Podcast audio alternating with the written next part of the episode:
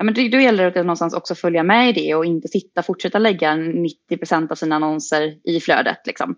För vi ser fortfarande att även om under 2019 så har liksom, budgetarna förflyttats ganska mycket åt stories eh, eller andra format som Explorer-feeden i Instagram till exempel där du kan annonsera idag eller i Messenger enbart till exempel så kan du som annonsör synas bara där. Så vissa av oss har hängt med men fortfarande är majoriteten av budgetarna läggs på vanliga liksom, feed-inlägg.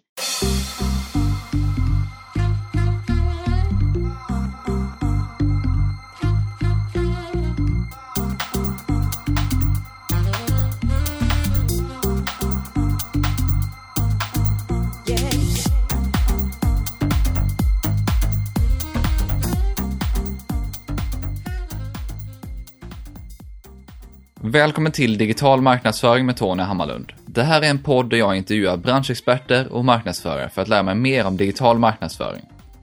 Mitt mål med podden är att bli en bättre marknadsförare och samtidigt dela med mig av intressanta samtal med några av Sveriges bästa marknadsförare. Att hela tiden utvecklas är viktigt som marknadsförare, men man måste också hålla sig uppdaterad kring vad som händer. Men det är svårt att hålla koll på alla nyheter inom allt från sociala medier till sökmotoroptimering och webbanalys. Och det saknas inte minst en podcast på svenska med nyheter inom digital marknadsföring som tar upp det som händer ur ett svenskt perspektiv inom flera olika områden. Så jag tänker se om jag kan skapa det.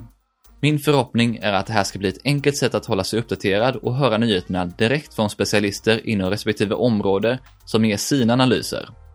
I det här första nyhetsavsnittet har jag bjudit in fyra experter för att dela med sig av de tre viktigaste händelserna under 2019 inom sociala medier, sökmotoroptimering och sökmarknadsföring, content marketing och martech samt digital och webbanalys.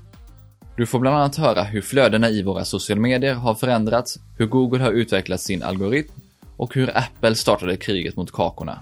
Du hittar länkar för vidare läsning om respektive nyhet i poddenlägget på tonyhammarlund.io. Där hittar du även tidsstämplar till de olika inslagen i intervjun. Jag är även stolt över att meddela att podden har ett samarbete med Dagens Analys som är en riktigt bra sajt för oss som arbetar med digital marknadsföring. Så kolla in den om du inte redan gjort det på dagensanalys.se. Nu börjar vi med det första inslaget där jag bjudit in sociala medieproffset Cecilia Lycke Simonsson från Be Better Online. Hon berättar om sina tre främsta spaningar om vad som hänt inom sociala medier under året och hennes första spaning har att göra med hur flödena i våra sociala medier har förändrats och vad det innebär för oss marknadsförare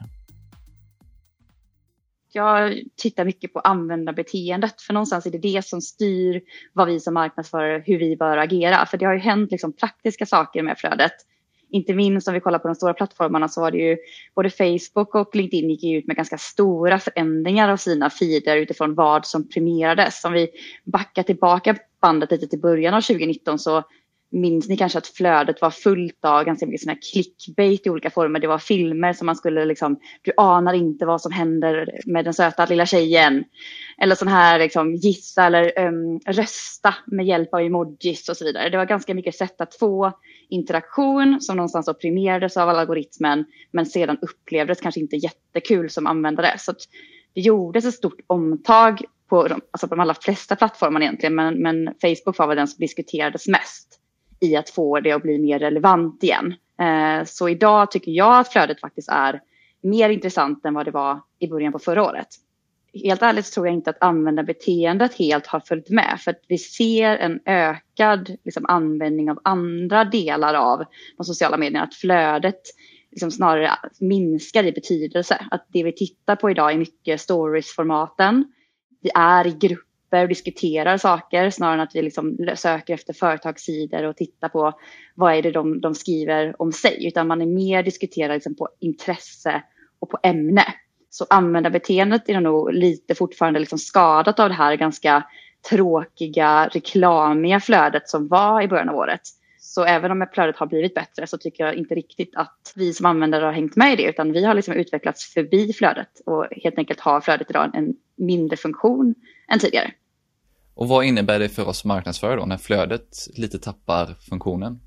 Ja, men då gäller det att någonstans också följa med i det och inte sitta fortsätta lägga 90 procent av sina annonser i flödet. Liksom. För vi ser fortfarande att även om under 2019 så har liksom, budgetarna förflyttats ganska mycket åt stories eller andra format som Explorer-feeden i Instagram till exempel. Där du kan annonsera idag eller i Messenger enbart till exempel så kan du som annonsör synas bara där. Så vissa av oss har hängt med men fortfarande är majoriteten av budgetarna läggs på vanliga liksom, feed-inlägg. Uh, och kanske är du en av dem som fortfarande lägger kanske all dina marknadspengar där och då är det så att du missar väldigt många användare på, uh, på sociala medier idag helt enkelt. Så att du måste se över vart du lägger dina pengar och vart du lägger dina annonser och om du annonserar på de nya formaten se till att anpassa materialet så att det verkligen passar där. Eh, både format och i vilket uttryck vi har och tonalitet och så vidare. Så häng med användarbeteendet. En annan sak som kan vara viktig att fundera över är hur stort behovet är av en enbart en företagssida idag. Eh, många använder ju grupper och att vi istället kanske funderar på har våra, vår målgrupp något intresse som vi kan liksom premiera snarare än att fokusera på vad vi, vad vi som företag vill prata om låt säga vi som en digital byrå, istället för att prata om vad vi gör så kan vi starta en, en diskussionsgrupp där vi pratar om ja, nyheter som händer till exempel. Och då pratar vi helt enkelt utifrån mottagares intresse snarare än vad vi som företag vill eh, liksom, lyfta. Um, så lite skifte där i, liksom, från att ha en, en företagsfokus till ett intressefokus skulle jag vilja rekommendera. Ja, men det blir intressant att se hur det utvecklas under 2020 också, för det känns ju som att det är en trend som går ganska starkt, inte minst hur plattformarna själva utvecklar sig. Ja men exakt och det känns ju också som att de, de både försöker premiera de här nya funktionerna för då vi testar, alltså både Facebook och Instagram testar ju även liksom standalone appar som ska fungera alltså, utanför plattformen som att eh, Instagram lanserar ju threads här under året som ska vara ganska lik Snapchat där det är som en, en kamera direkt app för chatt och Facebook har ju sedan länge lyft ut sin Messenger till exempel eh, i att enbart vara en, en egen app. Så att samtidigt som de liksom uppdaterar sitt flöde och försöker få oss att integrera där så, så följer de ju också med i att ge oss möjligheter både som annonsörer och som användare. Så vi får se om vi hittar tillbaka till flödet eller om, om de har tappat oss för alltid. Och din andra spaning har ju också lite med det här att göra och saker som förändras ganska mycket. Och det är ju hur vi ser på likes och vad som händer med dem. Ja, exakt. Alltså, likes är ju något, lite av en hatkärlek för mig generellt. Eh, jag brukar säga att likes är ingenting du ska räkna. Likes är ett, ett verktyg för att nå någonting. Eh, likes kan ju vara en, en, superbra interaktion för att sen kunna fortsätta en dialog. Men det är ingenting som är ett, ett slutresultat. Men kanske slipper jag eh, promota det här snart för att på Instagram så har ju redan i våras i Kanada så testade man att plocka bort likes. Eh, och sen har man också rullat ut det testet under, bland annat till Sverige under, under november. Och eh, uttalanden har kommit att de kommer att plocka bort likesen. Så vi kommer alltså inte längre se på eh, specifika poster hur många likes det inlägget har fått. Utan vi kommer enbart se just det här om du har några du känner som har gillat inlägget så kanske det står att eh, Tony och eh, andra gillar det här. Men du kommer inte kunna se längre hur många som faktiskt har gett dig en like. Så som användare, som annonsör kommer du fortfarande kunna se. Men det kommer inte vara någonting som syns utåt. Eh, och det här är ju en jätte, jätteförändring. För att jag menar, eh, likes-jakten har ju någonstans hauntat sociala medier från start. Vad tror du då att det innebär för interaktion och engagemang i sociala medier när den här valutan någonstans försvinner? Alltså jag tror på ett sätt att det kan vara bra. Och det här är också spekulationer för vi har inte, jag har inte upplevt eller sett några siffror på att det finns fakta på innan och efter. Och jag har varken sett det själv eller sett några officiella uttalanden från Facebook eller Instagram. Men jag tror ändå att det kommer bli bra för du har fortfarande kvar det här Eh, att du har den vännen som någonstans garanterar eh, att det är ett inlägg som är värt att titta på. Däremot så får du inte den här gruppeffekten. Man vet ju att ett inlägg som har mycket interaktioner drar till sig ögat. För man tänker någonstans att om så här många människor har gillat det så måste det ju vara värt att kolla på filmen exempelvis. Det tappar du ju. Men du har fortfarande kvar det, det nära och jag tror faktiskt personligen att det kommer vara eh, starkare. Vilket kommer göra att jag tror inte vi kommer se jätteskillnad på det.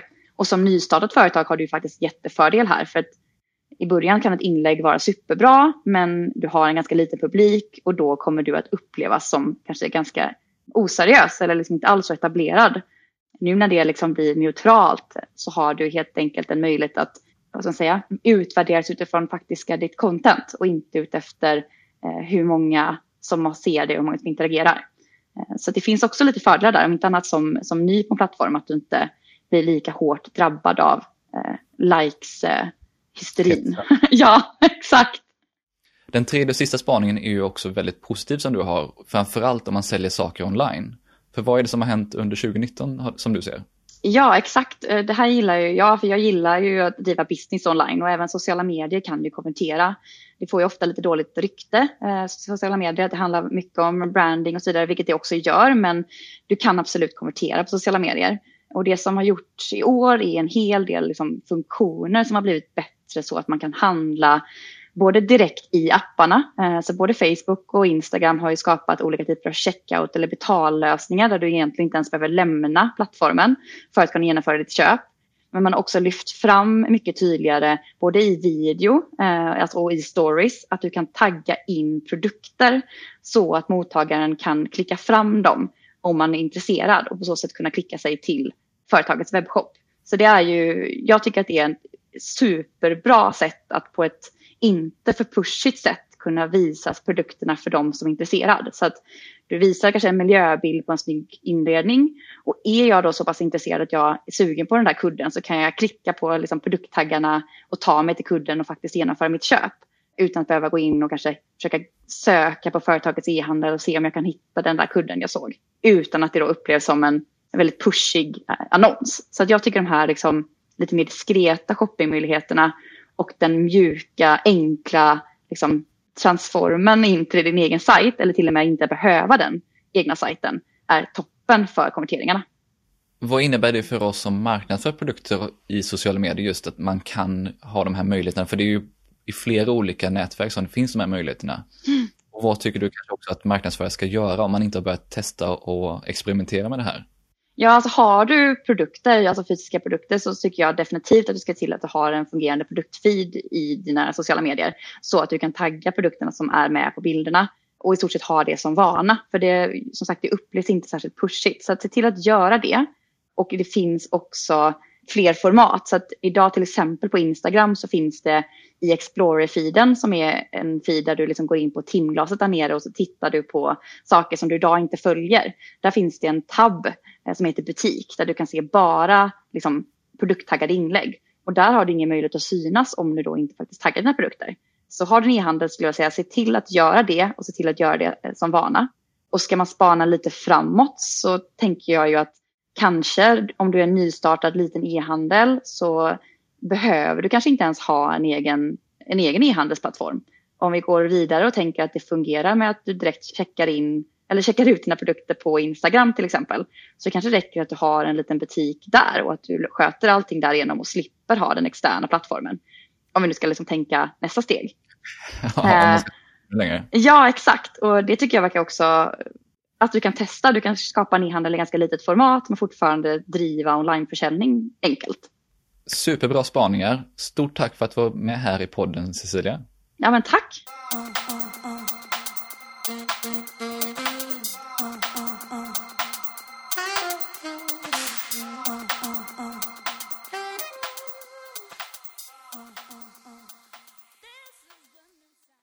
Riktigt kul att prata sociala medier där det har hänt väldigt mycket under året. Men nu hoppar vi rast vidare till nästa inslag. Det handlar om sökmotoroptimering och sökmarknadsföring där jag pratar med Oskar Alm på Brat. Han har lång erfarenhet av att arbeta med båda områdena och föreläser också mycket. Han delar med sig av sina tre främsta spaningar där den första handlar om hur Google har utvecklat sin algoritm under året. Det, det händer ju ständigt saker med, med, Googles core, om man säger så. Och under de senaste tio åren så har vi pratat om egentligen om två väldigt stora uppdateringar som har gjorts. Och det, det är Panda och Penguin.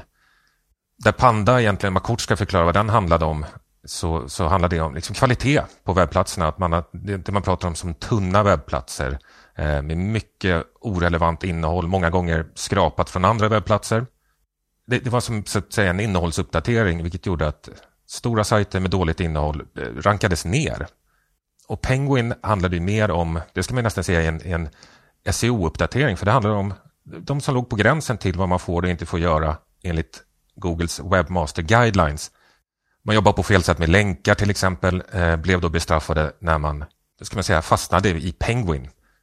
Men det man ska tänka på då var ju att när de väl gjorde en sån uppdatering så kom den som en klubba, pang, och så blev sajter straffade.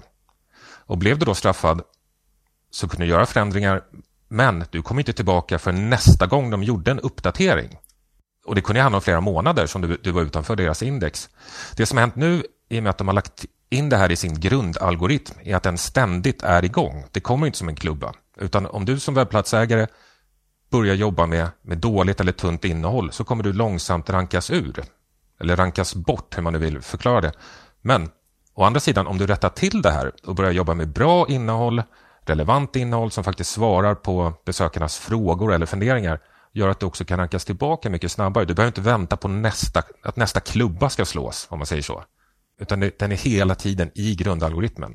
Ja, därför var ju många sajter som tog ganska hård smäll både av Panda och Penguin. Eh, det var ju företag som till och med gick i konkurs, eh, som bara levde på trafiken ifrån Google.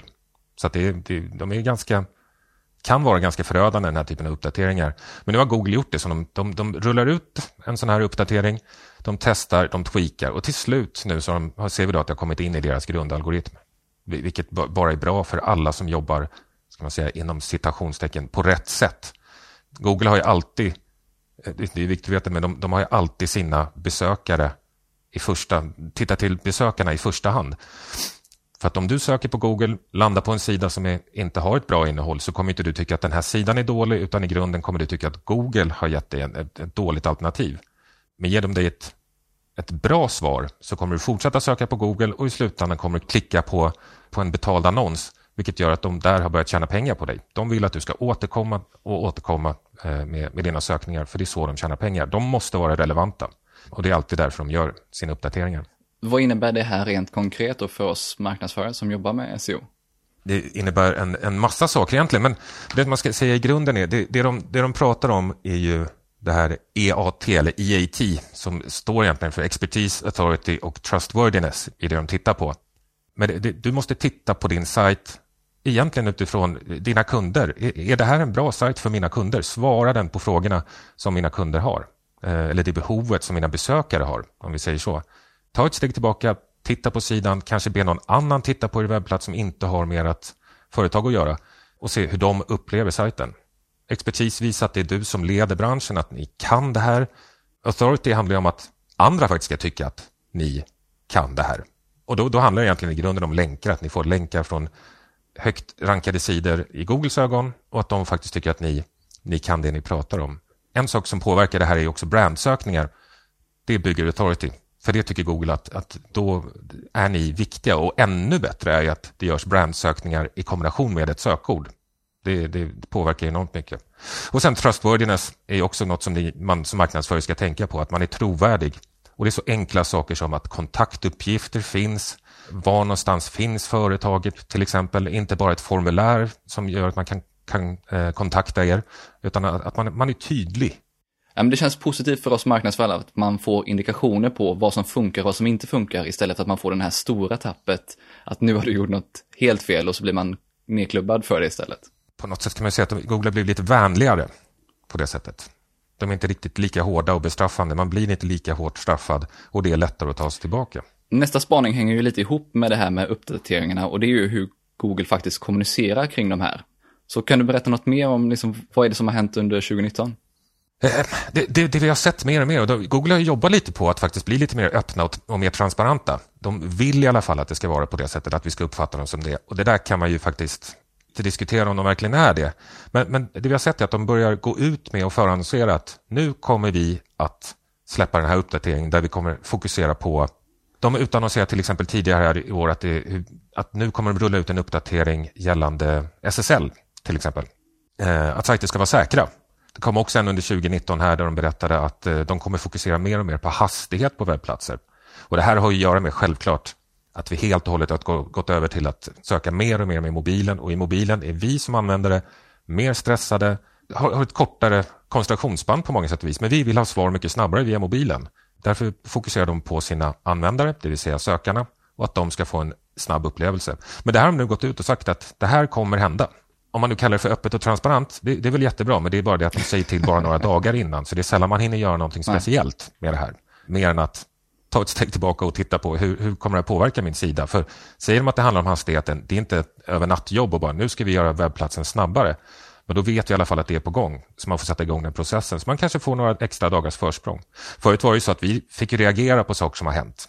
Att så här, oj, nu verkar det som att de har gjort en, en uppdatering kring vad det nu kan vara för någonting. Och, och så fick man agera ut efter det. Vi sitter och tittar på USA, vad händer där borta? Och så får vi tänka att det, det kanske kommer till Sverige en dag. Eh, men det är intressant, de, de, de har börjat annonsera, utannonsera när det kommer uppdateringar. Var hittar man de här uppdateringarna som Google utannonserar? Ja, eh, det finns säkert flera olika ställen, men vi har egentligen två kanaler där vi följer. Och det, är, det är Twitter, där eh, under användarnamnet Search Liaison, eh, Google Search Liaison, där släpper de sådana nyheter. Men också så kan man ju följa den, den matnyttiga bloggen där Google släpper andra nyheter också, men Google Webmaster Central Blog, Official News on Crawling and Indexing Sites for the Google Index, som man hittar på webmasters.googleblog.com. Där är de två källorna som, man, som är värt att följa. Sist men inte minst så har vi också spaning inom SEM, eller då Google Ads. Så vad är den största händelsen som har hänt där? Det är lite roligt. Jag, jag satte mig ner med vårt SEM-gäng här för att höra lite vad, så här, vad är det största som har hänt här under året. Det var lika många olika åsikter som det faktiskt är personer i det teamet. okay. En sak som de till slut kunde komma överens om är egentligen, det, det de sa var att de, de riktigt stora förändringarna på senaste tid kom under 2017 och 2018. Vi behöver inte gå in på vad det var för förändringar, för det kanske de flesta har koll på. 2019 var det klart mindre egentligen förändringar och, och det som, som många säger, förändringarna var mer ute i marginalen. Men, men en sak som absolut är värt att ta upp är att vi pratade förut, Google har gått egentligen från Mobile first till AI först. Vi pratar maskininlärning och all den massvis med data som Google sitter på. Och det, det man ser inom, inom SEM är just att man pratar om frasmatchade eller bredmatchade sökord, men det tvingade tidigare när man, när man satte upp kampanjer att, att just de här sökorden som man har skrivit med skulle finnas med i sökningen. Där har Google nu samlat på sig så mycket data så att de har lärt sig mer och mer och då pratar vi inte felstavningar, men, men man pratar just om den här avsikten med sökningen, the intent of search. Enkelt förklarat, det är så här att du definierar för Google att vi vill synas på hotell Stockholm. Men då kan du lika gärna synas när någon söker på övernattning Stockholm. För där har Google lärt sig att det här betyder lite samma sak och, och kan också leda till en bokning.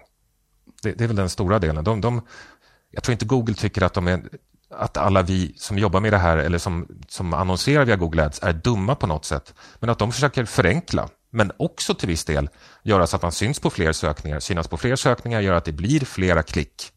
Och slutändan så tjänar Google mer pengar. Men det måste hela tiden vara relevant.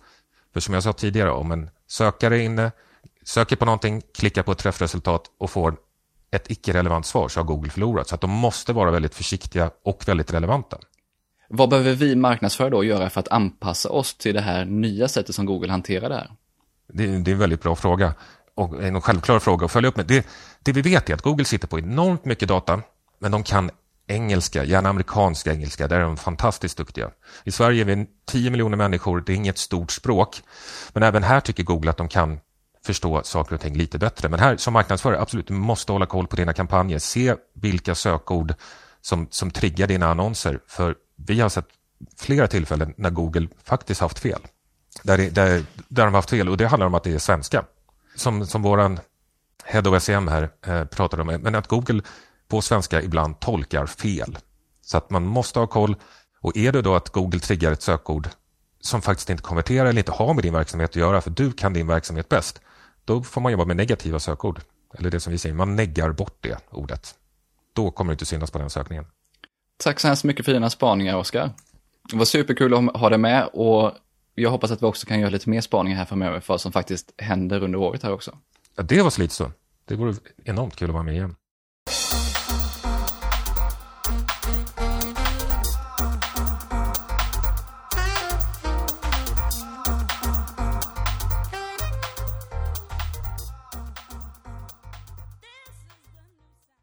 Det var superintressant att prata sökmotoroptimering och sökmarknadsföring med Oskar.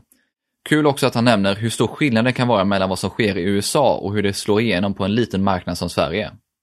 Nästa område är content marketing och martech där jag har bjudit in Pontus Downsrup som är en välkänd expert inom framförallt content marketing. Och en tidigare poddgäst dessutom. Han har arbetat till vardags på contentbyrån Brandmovers. Pontus första spaning handlar om hur Martech har utvecklats under året och vad vi marknadsför behöver göra för att hänga med i utvecklingen. Alltså Martech tycker jag är ett jätteintressant område och med Martech så menar jag då alltså marknadsföringsteknologi, de verktyg som vi använder oss av för att allting från att planera vad vi gör inom marknadsföring till, till hur vi gör det och på vilket sätt vi gör det. Och företag generellt satsar mer av sina pengar på det här, man söker fler medarbetare som kan eh, sina saker inom det här området. Och det som är intressant om man, om man tar en del av utav Martech-utvecklingen, till exempel marketing automation, så kan man se att, att vad som har hänt är att användaren blir mer kvalificerat. Eh, marketing automation, om man går ett par år tillbaka, var mycket det här att man, man skaffade ett sånt här verktyg och sen så började man eh, bomba sina, sina mejladresser eller sina kunder eller sina potentiella kunder med nyhetsbrev ganska tätt och ganska, ganska ostrukturerat. Men, men vad som händer nu är, och som har hänt de senaste åren, det är att man, man, man jobbar mycket mera med den kapacitet som de här verktygen har. Till exempel att skapa flöden, att skapa sätt för, för, för, olika kunder, olika kategorier av kunder rör sig fram på olika sätt. Så beroende på ifall du har en kund som, som, som nappar på ett erbjudande eller är väldigt engagerad på en gång så kan du styra dem på ett spår.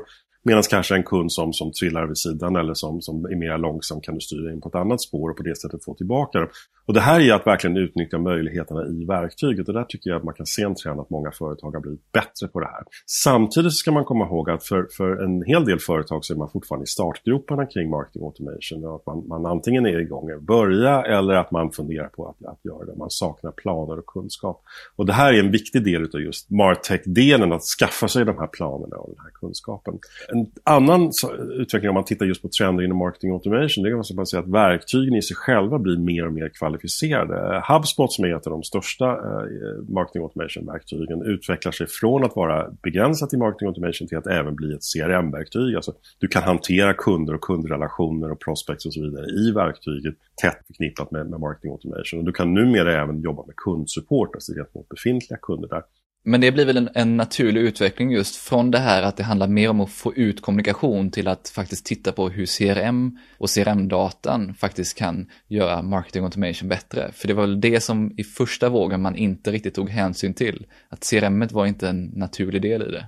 Precis, och det blir mycket mer att om man har det här helhetsperspektivet. Man ser man kan inte köra med, med silofierade lösningar där någon sitter och pumpar ut e-post och andra försöker hålla reda på vad som egentligen går med kunderna.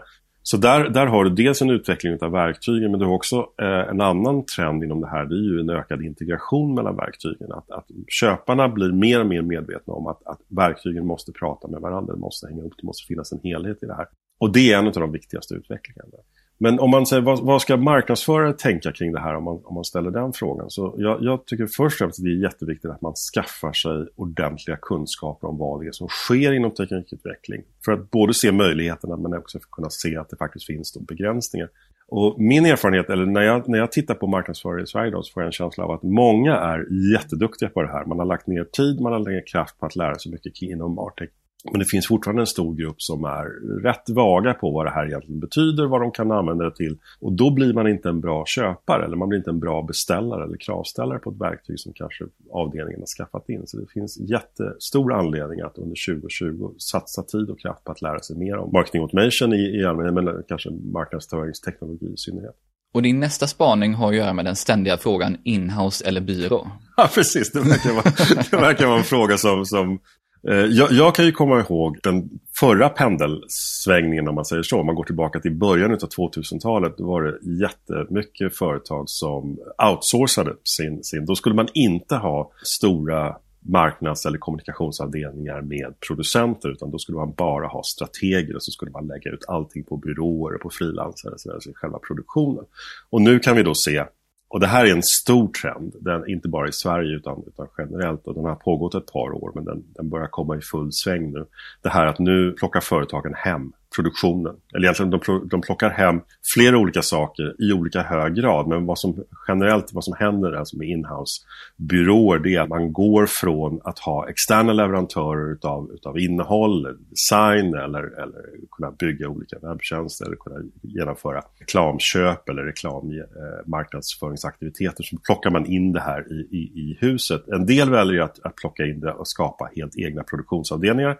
Andra väljer att ha flera nyckelkompetenser internt men fortfarande låta då externa leverantörer sköta en del av produktionen. Vad innebär det då att den här pendeln nu har slagit åt helt andra hållet? Som vanligt ska jag säga just när det gäller pendlar, det är att när de slår sådär hårt åt ett håll, antingen total outsourcing eller nu att man bygger upp större in-house-avdelningar, så, så, det, finns, det finns både för och nackdelar med det. Om, om man gör det riktigt bra, som en del företag har gjort, då, då får man en väldigt, man kan få en mer effektiv marknadsföring, man kan slippa silos inom marknadsavdelningen som går ut och har avtal med olika leverantörer och köper samma tjänster kanske från flera olika håll. Man, framförallt man blir mer snabbfotad för att mycket av den här varför man har velat att bygga upp inhouseavdelningar från många marknadschefers sida, det är just att man tyckte att det har tagit tid att få resultat från byråerna eller att få leveranser från byråerna. Och det här ställer ju ökade krav på byråerna också, man måste bli snabbare för att kunna konkurrera mot det här. Men funkar det bra, får man till det här, då kan man bli, man kan bli snabbare på att leverera, man kan bli snabbare på att utveckla, förbättra, göra om och göra rätt. Vilket är också en annan viktig del i just digital marknadsföring. Det här att man hela tiden kan jobba med att med att optimera och utveckla. Funkar det dåligt, då har, sedan så har man begränsat sin kapacitet. Till exempel att man har gått ut och rekryterat en eller ett par skribenter och sen så missar man de andra formaten. Man har några som är bra på vissa typer av mediekanaler men inte särskilt bra på andra. Man får en mer likriktad eh, marknadsföring marknadsföring därför att man har en eller ett par producenter som gör ungefär på samma sätt hela tiden. Och man blir ganska sårbar i leveransen ifall någon är sjuk eller överbelastad. Eller sånt. Så jag tror, för, för min del så tror jag att sanningen ligger någonstans mitt emellan de här två pendeln. Att, att det, det, inhouse kan vara jättebra för en del företag men mixen av inhouse och externa partners tror jag är det som är det allra bästa. Och din tredje och sista spaning handlar om native advertising som är någonting som jag arbetat med tidigare också. Mm. Vad är det som har hänt där under 2019? Det som har hänt som, som jag tycker är intressant är väl att, att, att det har mognat lite. För vi pratar inte lika mycket om native eller branded content som vi gjorde för några år sedan. Det, det är inte lika hett. Men det, det, brukar ju ofta vara ett tecken på att man, man har mognat som företeelse och är på väg in i någonting där man kanske är mer effektiv. Det som jag tycker är riktigt intressant som har hänt under de senaste åren och, och inte minst 2019 det är att vi har fått flera starka, stora, väldigt duktiga så kallade brand studios. Alltså när publicisterna själva bygger upp just en form av inhouse-byråer som kan leverera native på de egna plattformarna. Och i Sverige så har vi faktiskt tre stycken, minst tre stycken väldigt duktiga brand studios. Vi har på Schibsted, vi har en på Bonniers och vi har en på Allermedia. Och, och det här är jättekul att se hur, jag tycker de gör alla tre på sina olika sätt, gör väldigt bra native och gör väldigt bra branded content. Och det, det har också gett resultat internationellt att, att det varje år så är, hålls det en, ett VM i native advertising, så kallas Native Advertising Awards. Och, och alla tre de här studierna alltså skandinaviska eller svenska studierna, gör väldigt bra ifrån sig. Bonniers blev Native Advertising Agency of the Year 2018 och i år blev deras deras ledare Anna Arvidsson blev Native Advertiser of the Year och både Schibsted och Aller har också fått väldigt bra, mycket priser i, i här. Så det är jättekul att det går så bra, att, det, att vi får de här väldigt, väldigt duktiga brandstudiosna i, i Sverige. Hur kommer det sig att Norden ligger så långt framme inom Native då? Det är en jättebra fråga för att vi är ju ganska, vi är ganska små. Men, men lustigt nog så är det så här, när, när utvecklingen startade så var det väldigt mycket i USA. Du, var, du hade liksom T-Brand Studios som var New York Times, du hade Washington Post, du hade Wall Street Journal och, och, och de här som man kanske kunde förvänta förvänta sig. Alltså. Men, men lustigt nog så är det idag så har du en del nordiska eller skandinaviska aktörer och du har också en del aktörer i till exempel länder som Kroatien som gör oerhört kreativ native. Och jag tror att för, i, i den skandinaviska delen, det är en fördel att vi har tre stycken tillräckligt stora publicister i form av Schibsted, Bonnier och Aller som faktiskt då kan bygga upp lite muskler. Men man har också varit bra på att rekrytera. Man har, man har verkligen satsat på de här avdelningarna. Man har satsat pengar både på att de ska vara, ha kreativ höjd men också på att de faktiskt ska förstå och jobba vidare och utveckla det de gör. Och det är här lite det som är fördelen med, med, med Brand Studios. Det är ju att de är väldigt nära integrerade till sina egna plattformar. Så att om du jobbar med, hos en publicist så har den publicisten ofta ett antal olika nyhetssajter eller magasin eller eh, digitala medier på olika sätt. Och, och, ingen kan egentligen de här plattformarna bättre än de som verkligen jobbar med det. Och det är det som Brand Studios kan, kan jacka in i. Alltså veta hur man ska optimera för att någonting ska må bättre i Kvällsposten eller i Aftonbladet eller Svenska Dagbladet eller i Världens Gang eller vad det kan vara. Och, och det tror jag också har gjort att man har, i, i Norden, de här tre och flera andra har varit bra på att just se möjligheten att bygga upp både kreativitet och en hel del data och insikter kring vad man gör för att, för att få, få till så bra native som möjligt. Vad innebär det för oss marknadsförare som köper de här tjänsterna då? En sak som jag tycker är viktig att förstå just det. För jag, jag, jag har jobbat med native i flera år, väldigt starkt övertygad om att det är ett jättebra sätt om man gör det rätt att nå fram till en målgrupp. Du, du har målgrupper på de här plattformarna, native kan vara ett bra sätt att nå fram till det. Men just att man måste göra det här rätt och då är samarbete med en brandstudio just ett sätt att göra det rätt. Därför att man talar ofta om man talar om en vinn-vinn-vinn i native. Att det måste vara en vinst för annonsören, det måste vara en vinst för publicisten, det måste vara en vinst för mottagarna inte minst. Och, och det här är Brand Studios är duktiga på att förstå. Så att det, det som är viktigt för marknadsförare tycker jag att ta med sig det är att, att man kanske är van att jobba med sin traditionella reklambyrå eller van att jobba med sin traditionella mediebyrå. Och de kan vara jätteduktiga men det är, det är ingen dålig lösning eller det är en väldigt bra lösning att ha en Brand Studio med på ett hörn just för att få ut så mycket som möjligt av det här kanalvalet. Tack så hemskt mycket för dina spaningar Pontus. Jättekul att vara med. Jag ser fram emot att höra hela, hela podden. Här.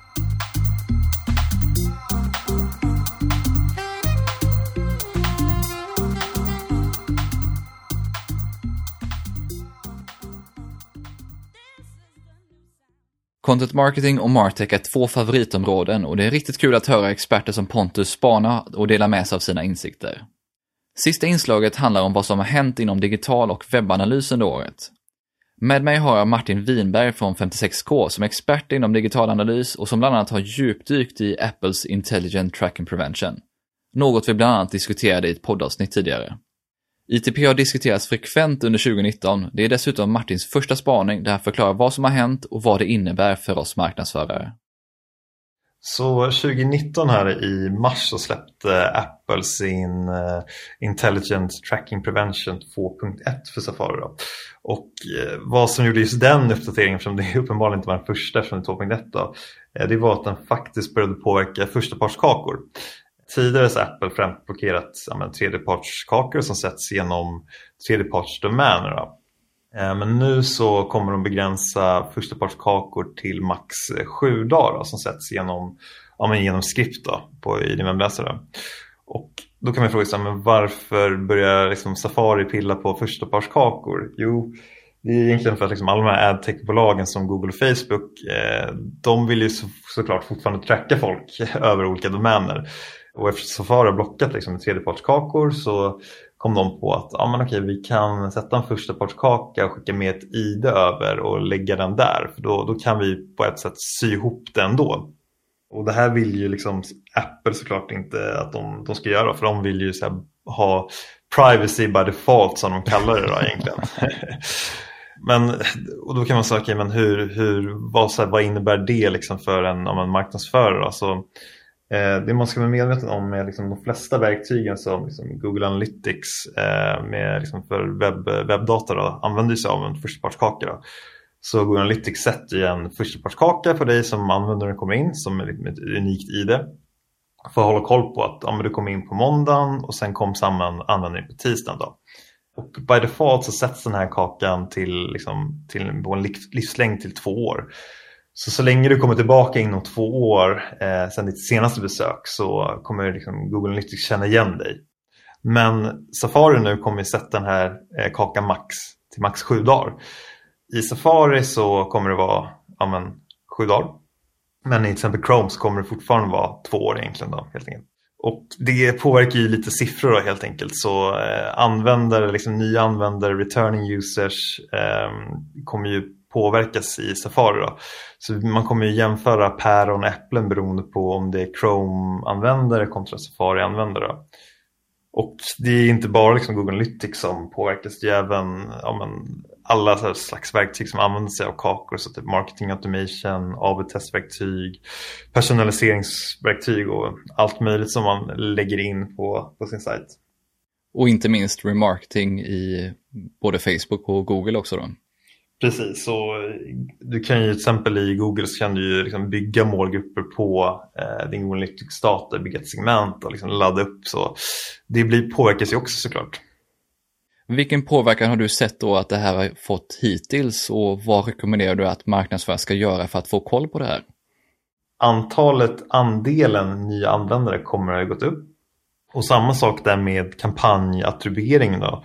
Så i Google Analytics så by default så om du har kommit in från en kampanj, säg Google söktrafik eller Facebook eh, till exempel, då kommer ju din, din sektion stå som ja, men, Google, eh, CPC eller Facebook.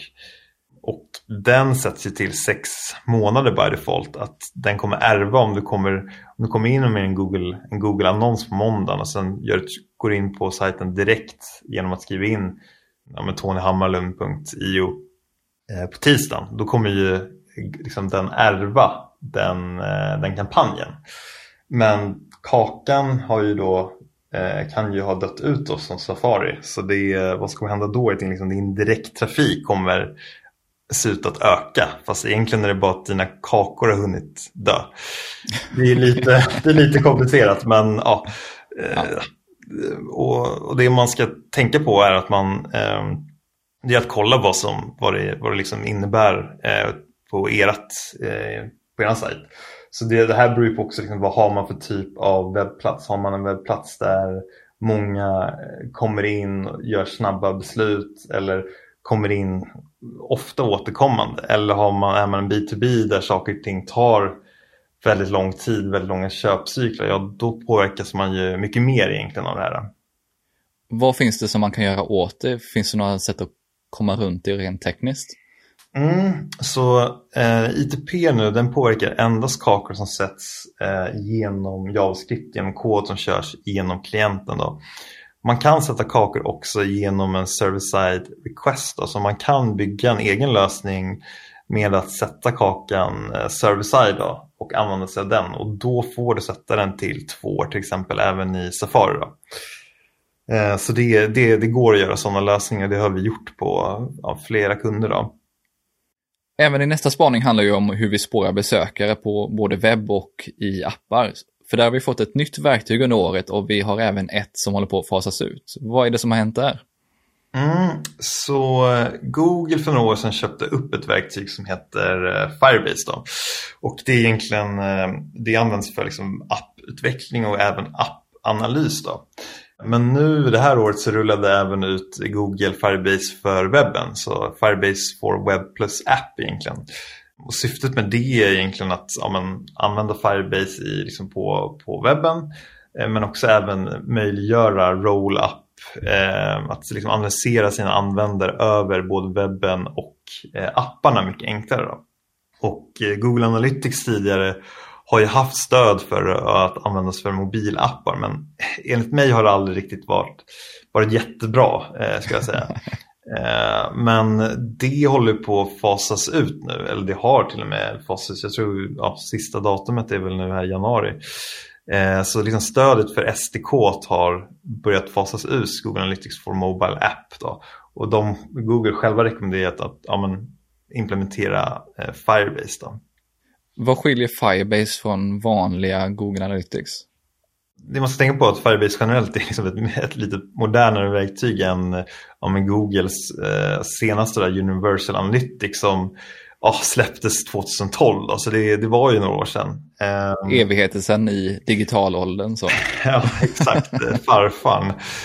Och Firebase generellt är, liksom, det är mer användarbaserat och beteendefokuserat än vad Google Analytics är. Eftersom det kommer från liksom ett apphåll då man vill analysera vad folk gör i apparna och beteendet där. Eh, Google Analytics liksom datastruktur är ju väldigt fokuserat på själva besöket. Så liksom mer var kom besöket ifrån, alltså sessionsbaserat. Då. Och Google Analytics är faktiskt inte jättebra verktyg för just beteende skulle jag säga. Det är bara att kolla på de här behavior flow-rapporterna i Google Analytics. De är riktigt, riktigt kassa faktiskt. Eh, men Firebase, eh, deras beteendeanalyser är sjukt mycket bättre. Eh, det är även så segment, hur man kan göra olika segment. Du kan göra segment på hitsnivå också kommer du kunna göra nu, vilket du inte kan i Google Analytics. Så liksom Firebase kommer vara ett mer, ett bättre verktyg liksom, för att titta på eh, beteende och användare än vad Google Analytics är egentligen. Det är väl fortfarande i betastadiet här. Rekommenderar du att man ska börja testa det här redan nu? Det är fortfarande i beta och mycket funktionalitet saknas eh, fortfarande tyvärr. Så till exempel en del i e-commerce eh, är också en del som saknas just, just nu i Firebase.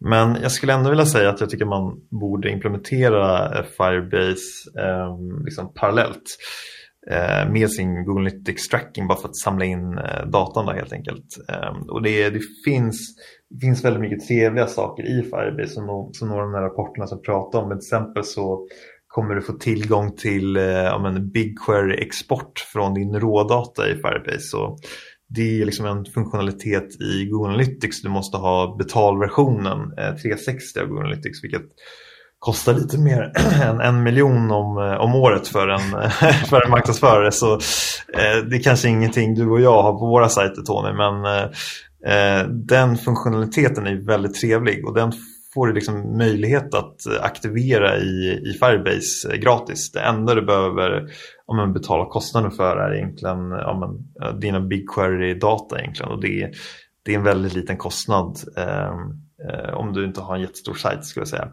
Så, så jag, jag, skulle definitivt rekommendera att om man testar och installerar det, speciellt om ni har appar så är det bara liksom, då skulle jag vara väldigt snabb på bollen. Och din tredje och sista spaning handlar ju också om inhouse-trenden, om vi nu byter spåret från det väldigt tekniska.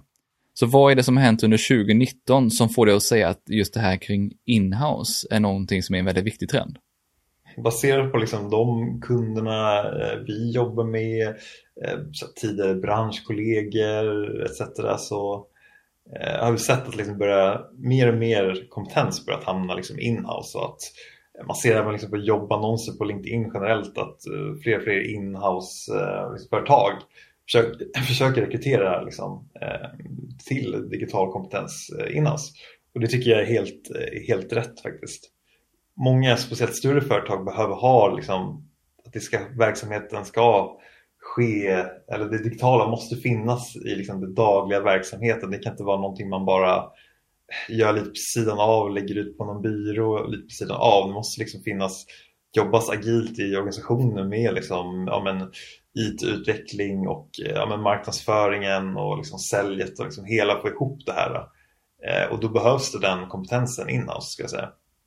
Ja, men det tycker jag ändå är någonting som flera gäster som jag haft tidigare när vi har haft de här typen av marknadsförintervjuer, senast till exempel med Anna Albinsson på Bisnode. Nu är de ett datafokuserat företag, men ändå att de satsar väldigt mycket på en inhouse-avdelning när det kommer till analys. Ja, men eh, det tycker jag är supersmart. Ehm, så länge man vet vad man vill, vad man vill uppnå med det så är, liksom, är det bara, bara att köra på. Vad innebär det då för branschen att den här trenden fortsätter och att nu den här typen av spetskompetens inom analys flyttar till företagen? För oss som, eh, som byrå på 56K så det sätter ju en ännu högre krav på oss att vi verkligen har eh, spetskompetens. Eh, man vill inte hamna i något läge då, då kunden har högre kompetens än en själv när man ska leverera på SEO, SEM eller analys. Liksom. Så det, det, det är liksom, jag, jag, tror det kommer vara superviktigt för byråer att verkligen ha en spetsig kompetens och alltså vad det innebär generellt också. att liksom Tidigare har vi byråer ofta varit de som varit på att ja, men, plocka upp talang från yrkesutbildningar liksom, om olika sätt att rekrytera men det blir också svårare för oss eh, för vi kommer ju nu ja, men, konkurrera mot stora inhouse-företag som försöker rekrytera samma talang. Och om man som ja, men, är en ung talang så kanske man tycker att ja, men, ja, men 56K Digital, visst de verkar duktiga och intressant men de är 20 pers och eh, oj det här eh, Spotify kommer och vill ha anställda. Liksom. De är, det är liksom Spotify eller liksom, det, blir, det blir lite creddigare kanske i vissa ögon att jobba på Spotify än 56K Digital. Så det blir att ja, man kommer konkurrera med rekryteringarna där på ett annat sätt. Ja, men det är ju det är också en intressant spaning just att det, det blir hårdare och hårdare att hitta riktigt duktiga talanger inom mm, digital analys också på marknaden. Mm. Stort tack Martin för att du var med och delade lite av dina spaningar från det viktigaste egentligen och de stora trenderna från vad som har hänt under 2019. Mm, tack själv Tony. Det är alltid lika kul att testa nytt och jag tycker det är riktigt häftigt att få höra andra experter lyfta fram sina främsta nyheter från det gångna året och vad det innebär för oss marknadsförare. För det är ofta något som saknas när man läser nyheter, eller hur det faktiskt påverkar oss på en liten marknad som i Sverige. Förhoppningsvis gillar du det här sättet att få de viktigaste nyheterna för oss som arbetar med digital marknadsföring. Jag planerar att göra det här till ett återkommande inslag, men då prata mer om aktuella nyheter. Då det är ett nytt koncept så uppskattar jag gärna din feedback, antingen om du mejlar mig på tony.hammarlund.io eller om du skickar ett meddelande till mig på LinkedIn.